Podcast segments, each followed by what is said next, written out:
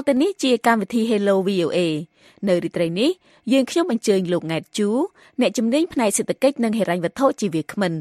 លោកនឹងបកស្រាយអំពីចំណាក់ស្រុកនិងសេដ្ឋកិច្ចជាតិហើយអ្នកស្រីកាន់វិជ្ជការជាអ្នកសម្របសម្រួលកម្មវិធី Hello VOA នៅក្នុងរាត្រីនេះចាសសូមជម្រាបសួរលោកអ្នកនាងដែលកំពុងតាមដានស្ដាប់កម្មវិធី Hello VOA ប្រចាំខែស្ដីអំពីពលករចំណាក់ស្រុកដែលមាននាងខ្ញុំកាន់វិជ្ជការជាអ្នកសម្របសម្រួលនៅរាជធានីភ្នំពេញ កម្មវិធី Hello VOA ស្ដីអំពីពលករចំណាក់ស្រុកនារាត្រីថ្ងៃប្រហ័សនេះជជែកលើប្រធានបទចំណាក់ស្រុកនិងសេដ្ឋកិច្ចជាតិវាគ្មិនរបស់យើងនារាត្រីនេះគឺលោកង៉ែតជូអ្នកជំនាញសេដ្ឋកិច្ចនិងហិរញ្ញវត្ថុចាសសូមជម្រាបសួរលោកង៉ែតជូបាទជំរាបសួរបាទហើយសូមជម្រាបសួរប្រិមិត្តទស្សនិកជនរបស់ Hello VOA ទាំងអស់បាទ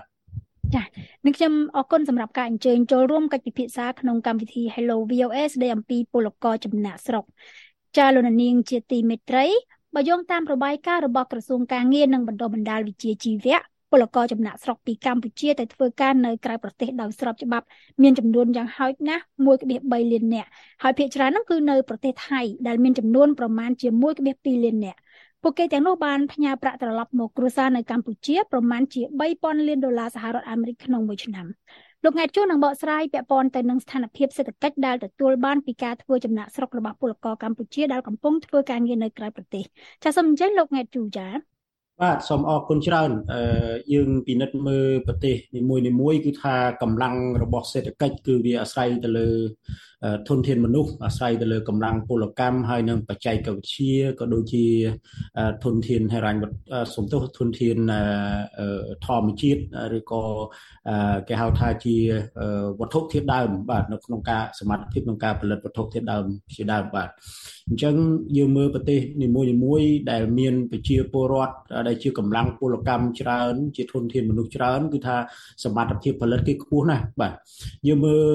មិនចាំបាច់ប្រៀបធៀបបប្រទេសណាឆ្ងាយពីកម្ពុជាទេយើងប្រៀបធៀបតែប្រទេសវៀតណាមដែលមានប្រជាពលរដ្ឋអឺ 90លានអ្នកជាងបាទដែលស្មើប្រហែលជា7ដងនៃប្រជាពលរដ្ឋខ្មែរយើងយើងមានប្រជាសំទុះប្រជាជនគឺថាយើងមាន17លានអ្នកជាងអញ្ចឹងទំហំសេដ្ឋកិច្ចរបស់គេគឺធំជាងយើងរហូតដល់13ដងឯណោះបាទអញ្ចឹងកម្លាំងពលកម្មពិតជាមានភាពសំខាន់នៅក្នុងការកសាងសេដ្ឋកិច្ចបាទហើយដល់ឡែកកម្ពុជាយើងគឺនៅក្នុងស្ថានភាពពេលបច្ចុប្បន្ននេះយើងមានការកម្លាំងពលកម្មយើងមានចំណាក់ស្រុកទៅច្រើនបាទបើធៀបជាមួយនឹងកម្លាំងពលកម្មនៅក្នុងស្រុកគឺថាច្រើនបាទមានន័យថាក្នុងស្រុកប្រហាក់ប្រហែលនឹងក្រៅស្រុកហើយបាទឬក៏អាចលើសគ្នាក៏មិនឆ្ងាយដែរអញ្ចឹងវាអាចជាការដែលមើលទៅវាយើងខាតបង់សេដ្ឋកិច្ចមួយផ្នែកដែរបាទបើយើងនិយាយអំពីសមត្ថភាពទៅក្នុងការផលិតដោយសារយើងមានធនធានមានពលកម្មច្រើនបាទចាសសូមអរគុណលោកណែតជូ យើងដឹងថាប្រជាពលរដ្ឋកម្ពុជាយើងដែលកំពុងធ្វើចំណាក់ស្រុកហ្នឹងគឺប្រមាណជា1.3លាននាក់ហើយសម្រាប់ឯទូរលេខមួយចំនួនទៀតរបស់ NGO ឬក៏អង្គការសង្គមស៊ីវិលដែលពួកគាត់ធ្វើការងារពាក់ព័ន្ធជាមួយនឹងពលករចំណាក់ស្រុកអីជាដើមហ្នឹងទាំងចំនួនពលករចំណាក់ស្រុកដែលគាត់ចំណាក់ស្រុកដោយស្របច្បាប់ហើយនឹងខុសច្បាប់អីជាដើមនោះមានរហូតដល់ប្រមាណជាជាង2លាននាក់ឯណោះតើលោកមានជឿទេថានៅពេលដែលពលករកម្ពុជាយើងពួកគាត់ធ្វើចំណាក់ស្រុកតើពួកគាត់ត្រូវចំណាយលើអ្វីខ្លះដែរហើយថាតើការចំណាយទាំងអស់នោះធ្វើឲ្យពួកគាត់ប្រឈមនឹងបញ្ហាបែបណាខ្លះដែរលោកង៉ែជូចា បាទខ្ញុំមិនមានព័ត៌មានលំអិតទេប៉ុន្តែខ្ញុំអាចប៉ាន់ប្រមាណថានៅពេលដែលគាត់ធ្វើចំណាក់ស្រុកម្ដងម្ដង គឺថាទី1មធ្យោបាយធ្វើដំណើរបាទការការធ្វើដំណើរហ្នឹងគឺត្រូវការចំណាយបាទពីស្រុកកំណើតរបស់ខ្លួនរហូតដល់ព្រំដែនពីព្រំដែនឆ្លងព្រំដែនហ្នឹងទៅចូលដល់ទឹកដីថៃបាទឬក៏ថាទៅបរទេសទៅដូចជាកូរ៉េទៅអីហ្នឹងគឺយើងឆ្លងតាមជើងហោះហើរអីហ្នឹងក៏ការចំណាយកាន់តែច្រើនទៀតបាទហើយទី2គឺអឺដូចជាលិខិតឆ្លងដែនបាទហើយនឹងឯកសារពាក់ព័ន្ធផ្សេងផ្សេងទៀតបាទដែលតម្រូវដោយសម័យប្រទេសដែលគាត់ទទួលយកកម្លាំងពលកម្មនឹងបាទអញ្ចឹងទាំងអស់នេះគឺថាក៏ជាចំណាយច្រើនដែរបាទតកតងលិខិតឆ្លងដែនតកតងជាមួយនឹងការបំពេញសំណុំឯកសារផ្សេងផ្សេងដែលតម្រូវដោយសម័យប្រទេសដែលជាអ្នកទទួលយកកម្លាំងពលកម្មនឹងបាទហើយផ្សេងទៀតគឺថាអ្នកខ្លះគាត់ធ្វើការចំណាក់ស្រុកដោយខុសច្បាប់ឬក៏ដោយស្របច្បាប់ក្តីគឺថាតែងតែមានក្រុមហ៊ុននាំបាទអនាំឬក៏មេខ្យល់បាទអាហ្នឹងគេហៅក្រៅផ្លូវការហ្នឹងគឺថាមានមេខ្យល់គឺអ្នកនាំឆ្លងដែនខុសច្បាប់អីអញ្ចឹងហើយសិតតែត្រូវបង់ប្រាក់បាទ ទាំងក្រុមហ៊ុនក៏ត្រូវបង់សេវាកម្មទៅក្រុមហ៊ុនទាំងមេខ្យល់ដែលក្រៅផ្លូវការហ្នឹងក៏ត្រូវបង់ប្រាក់ឲ្យគេហើយក៏ប្រឈមមុខជាមួយនឹងហានិភ័យជាច្រើនទៀតក្រៅពីការចំណាយផ្នែកខាងហិរញ្ញវត្ថុហ្នឹងគឺថាបើទៅតាមមេខ្យល់ហ្នឹងអាចចាញ់បោកគេឬក៏មានហានិភ័យផ្សេងផ្សេងទៀតតទៅជាការប្រឈមមួយជាមួយផ្លូវច្បាប់ជាដើមបាទអញ្ចឹងនិយាយអំពីការចំណាយគឺអាចច្រើនសម្រាប់ពួកគាត់ដែលជាអ្នកដែលមិនសូវមានធនធានអឺពីព្រោះអ្នកដែលធ្វើចំណាក់ស្រុកមិនមែនជាអ្នកមានធនធានច្រើនទេបាទជួនកាលគាត់អាចខ្ចីបុលគេហើយបើយើងនិយាយក្នុងន័យសេដ្ឋកិច្ចអ្នកដែលខ្ចីបុលគេដើម្បីបានប្រាក់បំពេញសំណុំឯកសារឬក៏ការធ្វើដំណើរឬក៏បង់សេវាទៅដល់ក្រុមហ៊ុនរត់ការឬក៏ គេហៅថាមេខ្យល់ហ្នឹងគឺថាគាត់ខ្ចីប្រាក់ពីស្ថាប័នហិរញ្ញវត្ថុក្តីពីឯកជនក្តីសិតតែត្រូវបង់ចំណាយការប្រាក់បាទហ្នឹងគឺជាការចំណាយធំដែរបាទបើសិនណាមានជាការចងការប្រាក់នៅឯកជនវិញគឺការប្រាក់កាន់តែខ្ពស់ទៅទៀតបាទហើយជារឿយរឿយពួកគាត់ត្រូវប្រឹងរកប្រាក់ដើម្បីសងម្ចាស់បំណុលវិញបាទ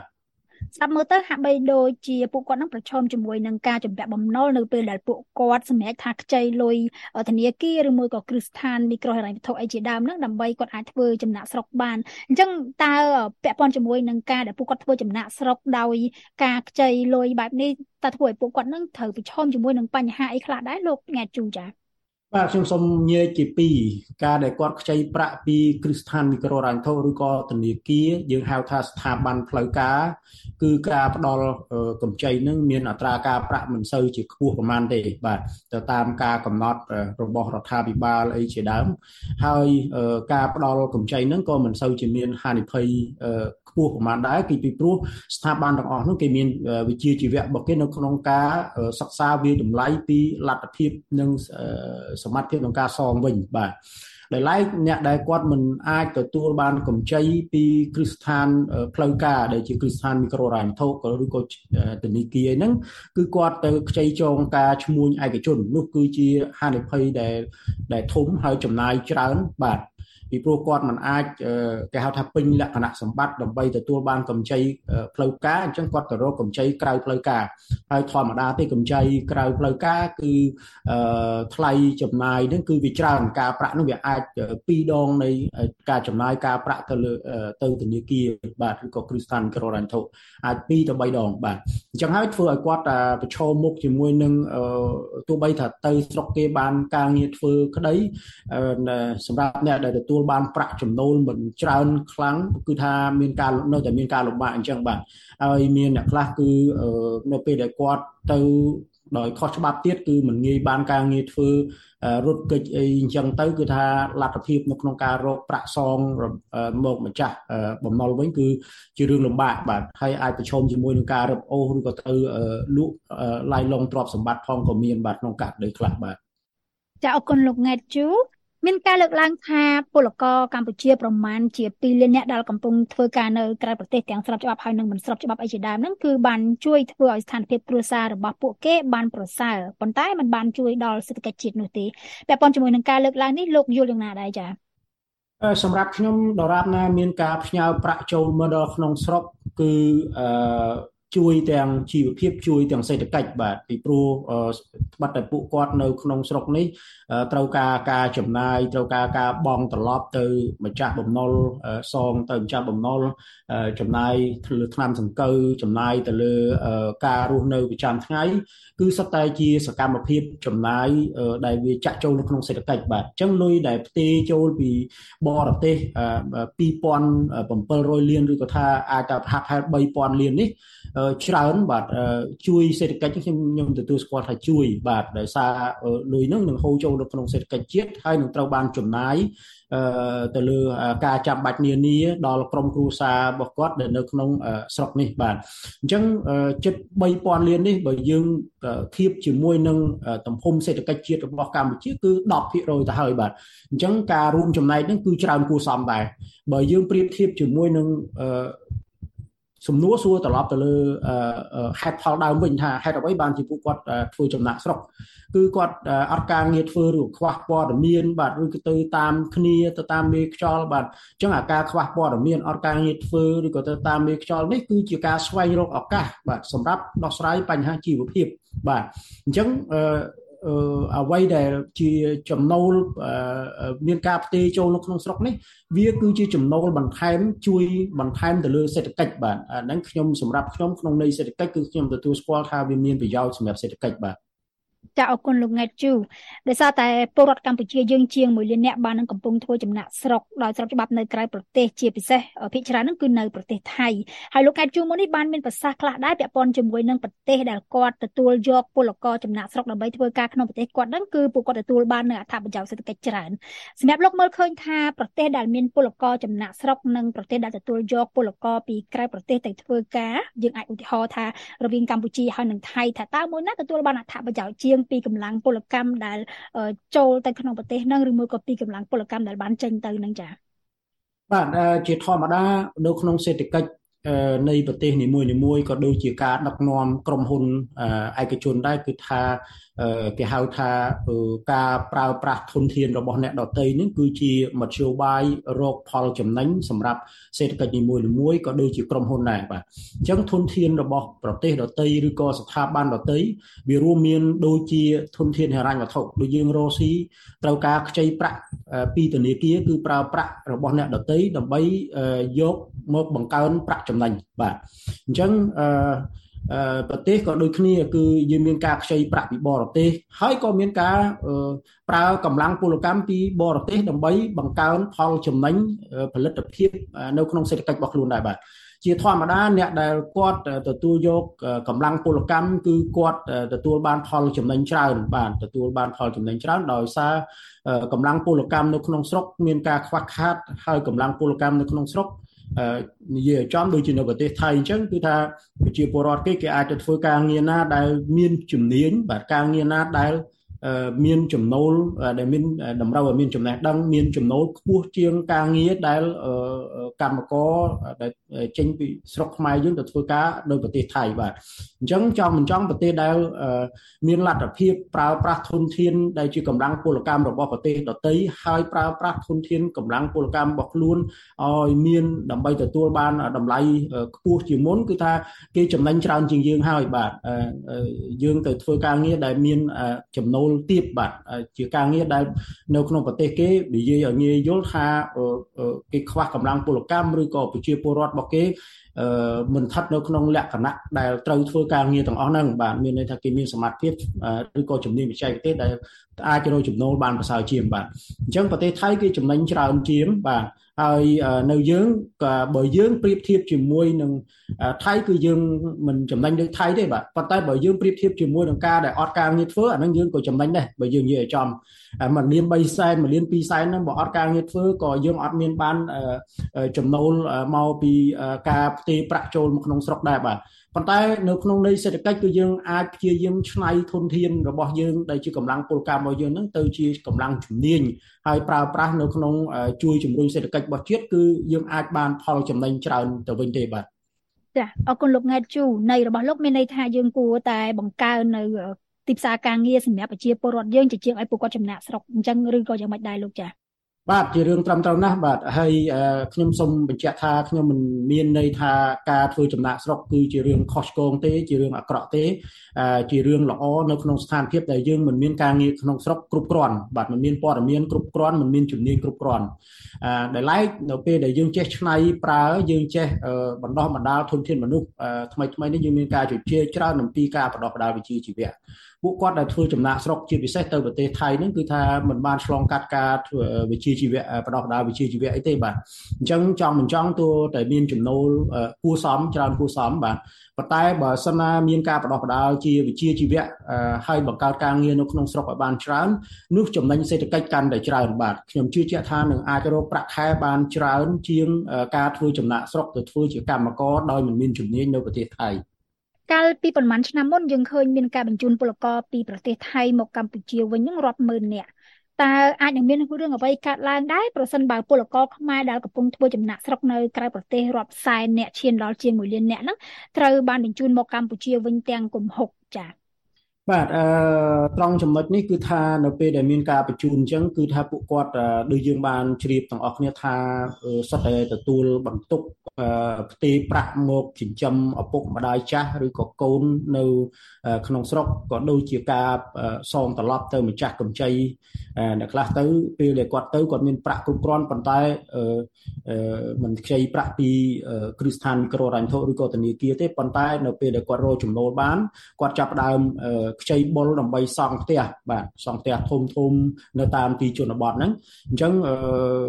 គាត់ជាប់កតាបកិច្ចនៅក្នុងការសងត្រឡប់គាត់ជាប់កតាបកិច្ចនៅក្នុងការផ្គត់ផ្គង់ជីវភាពរបស់ឪពុកម្ដាយចាស់ចាស់ក៏ដូចជាកូនដែលនៅក្នុងស្រុកនេះបាទអញ្ចឹងបើសិនណាមានការបញ្ជូនមកវិញជាកំហុក ច្រើនម៉ឺនអ្នកអីអញ្ចឹងអញ្ចឹងធ្វើឲ្យមានបញ្ហាតាក់ទងជាមួយនឹងជីវភាពរស់នៅរបស់ក្រុមគ្រួសាររបស់គាត់នៅក្នុងស្រុកក៏ដូចជាការសងត្រឡប់ទៅម្ចាស់បំណុលនឹងវិញបាទហើយក៏ដូចជាសម័យខ្លួននឹងគឺថាបាត់បង់ចំណូលសម្រាប់ផ្គត់ផ្គង់ជីវភាពរស់នៅរបស់ខ្លួនផងដែរបាទប៉ុន្តែសម្រាប់ខ្ញុំខ្ញុំមើលឃើញថានៅប្រទេសថៃគឺគេត្រូវការព្យាយាមបំពេញគេហៅថាចិត្តប្រជាពលរដ្ឋគេដែរគឺថាពលរដ្ឋគេគឺត្រូវការកម្លាំងពលកម្មដើម្បីជួយបាទដើម្បីជួយរកចំណូលរបស់គ្រួសារពលរដ្ឋគេបាទអញ្ចឹងការបញ្ជូនមកវិញជាកំហុកលើកលែងតែមានជាទំនាស់នយោបាយអីការប្រកាន់ពូជសាសន៍អីទេបាទហើយឬក៏តាក់ទងនឹងឲ្យនយោបាយនៅប្រទេសថៃអីជាដើមក្តីហ្នឹងគឺថាវាអាចជាហានិភ័យបែបហ្នឹងមែនបាទ ដោយលោកមានប្រសាសន៍អញ្ចឹងពាក់ព័ន្ធជាមួយនឹងការដែលមានពលករដែលគាត់ធ្វើការងារនៅក្រៅប្រទេសហ្នឹងភាគច្រើនតែម្ដងដែលយើងនិយាយបានថាប្រទេសដែលមាន ពលករពីប្រទេសផ្សេងៗមកធ្វើការឲ្យគឺគាត់ទទួលបាននៅអត្ថប្រយោជន៍សេដ្ឋកិច្ចហ្នឹងច្រើនជាងប្រទេសដែលបញ្ជូនចេញទៅហើយមិញយើងក៏បានចែកគ្នាខ្លះដែរពាក់ព័ន្ធជាមួយនឹងការដែលអាចនៅក្នុងករណីមានករណីបញ្ជូនពលករមកវិញទាំងកំហុកឬក៏បណ្ដឹងចេញអីទាំងកំហុកអីជាដើមនោះនឹងធ្វើឲ្យមានបញ្ហាប្រឈមច្រើនអញ្ចឹងយើងមើលឃើញថាបើសិនបើកម្ពុជាយើងនៅតែបន្តបញ្ជូនឬក៏លើកទឹកចិត្តពលករឲ្យគាត់ទៅធ្វើការនៅក្រៅប្រទេសតែកម្ពុជាអាចប្រឈមទៅនឹងការគំរាមកំហែងអ្វីខ្លះដែរទេនាពេលអនាគត បាទទៅថ្ងៃអនាគតគឺយើងសេដ្ឋកិច្ចរបស់យើងនៅតែមិនរឹងមាំបាទពីព្រោះយើងពឹងផ្អែកទៅលើការបញ្ជូនកម្លាំងពលកម្មដែលមិនមានជំនាញឬក៏មានជំនាញតិចតួចបំផុតទៅធ្វើការនៅប្រទេសដទៃបាទហើយយើងមិនមានលទ្ធភាពពង្រឹងសេដ្ឋកិច្ចរបស់យើងនឹងសមត្ថភាពផលិតក្នុងស្រុកហ្នឹងឲ្យបានច្រើនបាទអញ្ចឹងសមត្ថភាពប្រកួតប្រជែងនៅក្នុងតំបន់របស់យើងគឺ ជាជាទូទៅគឺកម្ពុជាជាប្រទេសតូចបាទប្រជាពលរដ្ឋតិចកម្លាំងពលកម្មក៏តិចបាទអញ្ចឹងបើយើងបាត់បង់កម្លាំងពលកម្មដោយដោយយើងបញ្ជូនទៅធ្វើការឲ្យប្រទេសជិតខាងទៀតអឺដូចជាយើងប្រកួតប្រជែងពីរគ្រួសារនៅចិត្តគ្នានៅផ្ទះចិត្តគ្នាអឺមួយបើកលក់គុយទាវទៅហើយមួយទៀតយើងអត់មានធ្វើអីច្រើនទេយើងរកស៊ីធ្វើកសិកម្មតិចតួច ហើយយើងបញ្ជូនកូនទៅជួយធ្វើការងារនៅរត់តុកគុទាវហើយយើងចង់ប្រកួតប្រជែងគ្នាជាមួយនឹងគ្រួសារដែលជាម្ចាស់ហាងគុទាវនោះគឺมันអាចទៅរួចទេសេដ្ឋកិច្ចនៃបណ្ដាប្រទេសរបស់គ្រួសារទាំងពីរនេះมันអាចប្រកួតប្រជែងគ្នាបានទេបាទចាអញ្ចឹងរដ្ឋាភិបាលយើងគួរធ្វើបែបណាវិញទៅលើករណីនេះ បាទនៅក្នុងករណីនេះយើងអាចត្រឡប់ទៅមើលបទពិសោធន៍នៅប្រទេសកូរ៉េខាងត្បូងបាទប្រទេសកូរ៉េខាងត្បូងកាលពីអឺ40ប្រហែលជា40 50ឆ្នាំមុនគឺថាអឺច្រើនឆ្នាំបាទគឺថាមានការដោតពឹងផ្អែកខ្លាំងទៅលើវិស័យកាត់ដេរបាទហើយដោយស្ថានភាពយើងពេលបច្ចុប្បន្នអញ្ចឹងបាទហើយបានបញ្ជូនកម្លាំងពលកម្មទៅធ្វើការនៅប្រទេសអាល្លឺម៉ង់ជាច្រើនបាទ ប៉ុន្តែអ្វីដែលជាលក្ខខណ្ឌខុសមួយដែលកម្ពុជាពេលបច្ចុប្បន្នយើងមិនទាន់ធ្វើបានដូចកូរ៉េនៅសម័យនោះគឺ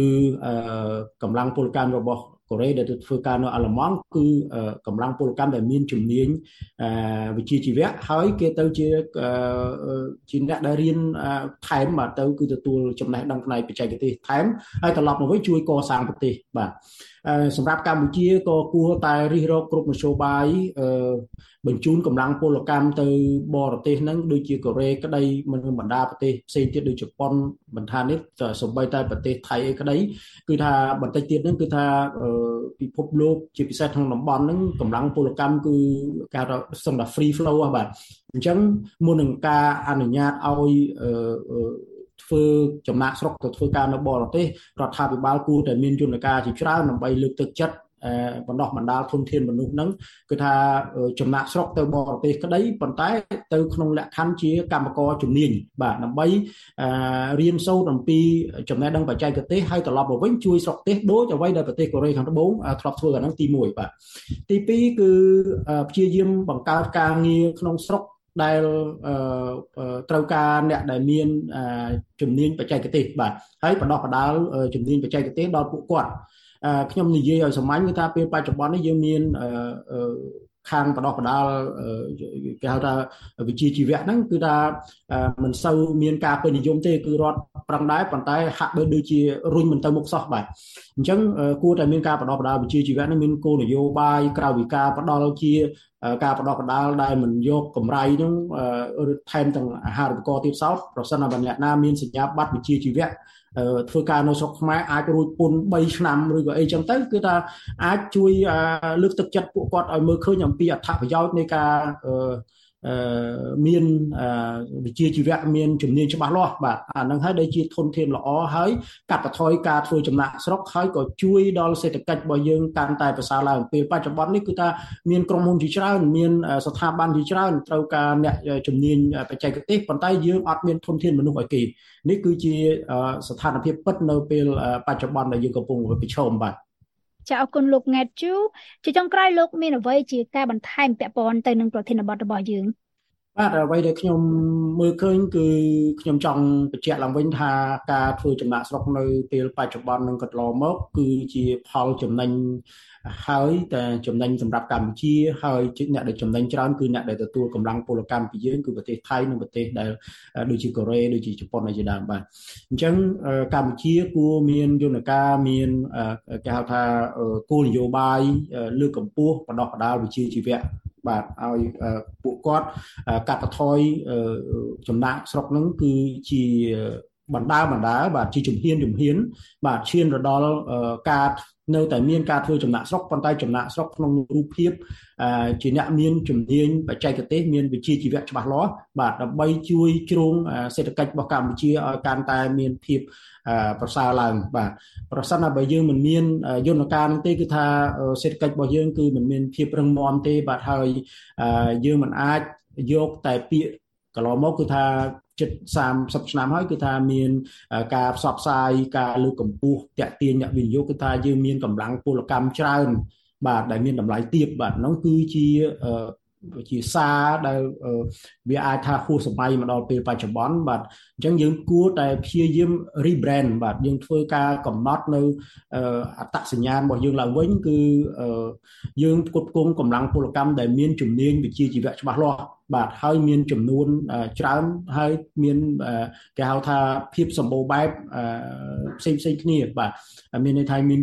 ច្រើនមុខជំនាញបាទដែលអាចបំពេញតម្រូវការដល់អ្នកវិនិយោគបានហ្នឹងគឺជាចំណុចពិសេសដែលកម្ពុជាគួរតែចំណាយធនធានគួរតែវិនិយោគសាធារណៈដើម្បីអភិវឌ្ឍធនធានមនុស្សរបស់ខ្លួនបាទចានឹងខ្ញុំសូមអរគុណលោកង៉ែតជូអ្នកជំនាញសេដ្ឋកិច្ចនិងហិរញ្ញវត្ថុដែលបានបកស្រាយយ៉ាងក្បោះក្បាយក្នុងកម្មវិធី Hello VOS ស្ដីអំពីពលករចំណាក់ស្រុកនេះខ្ញុំក៏សូមអរគុណប្រិយមិត្តអ្នកតាមដានស្ដាប់ទាំងអស់ហើយបើមានកំហុសឆ្គងដោយអចេតនាណាមួយនាងខ្ញុំនឹងវាគ្មិនសូមខន្តីអភ័យទោសពីប្រិយមិត្តសម្រាប់ពេលនេះនាងខ្ញុំនឹងវាគ្មិនសូមអរគុណនិងសូមជម្រាបលាបាទសូមអរគុណសូមជម្រាបលាបាទ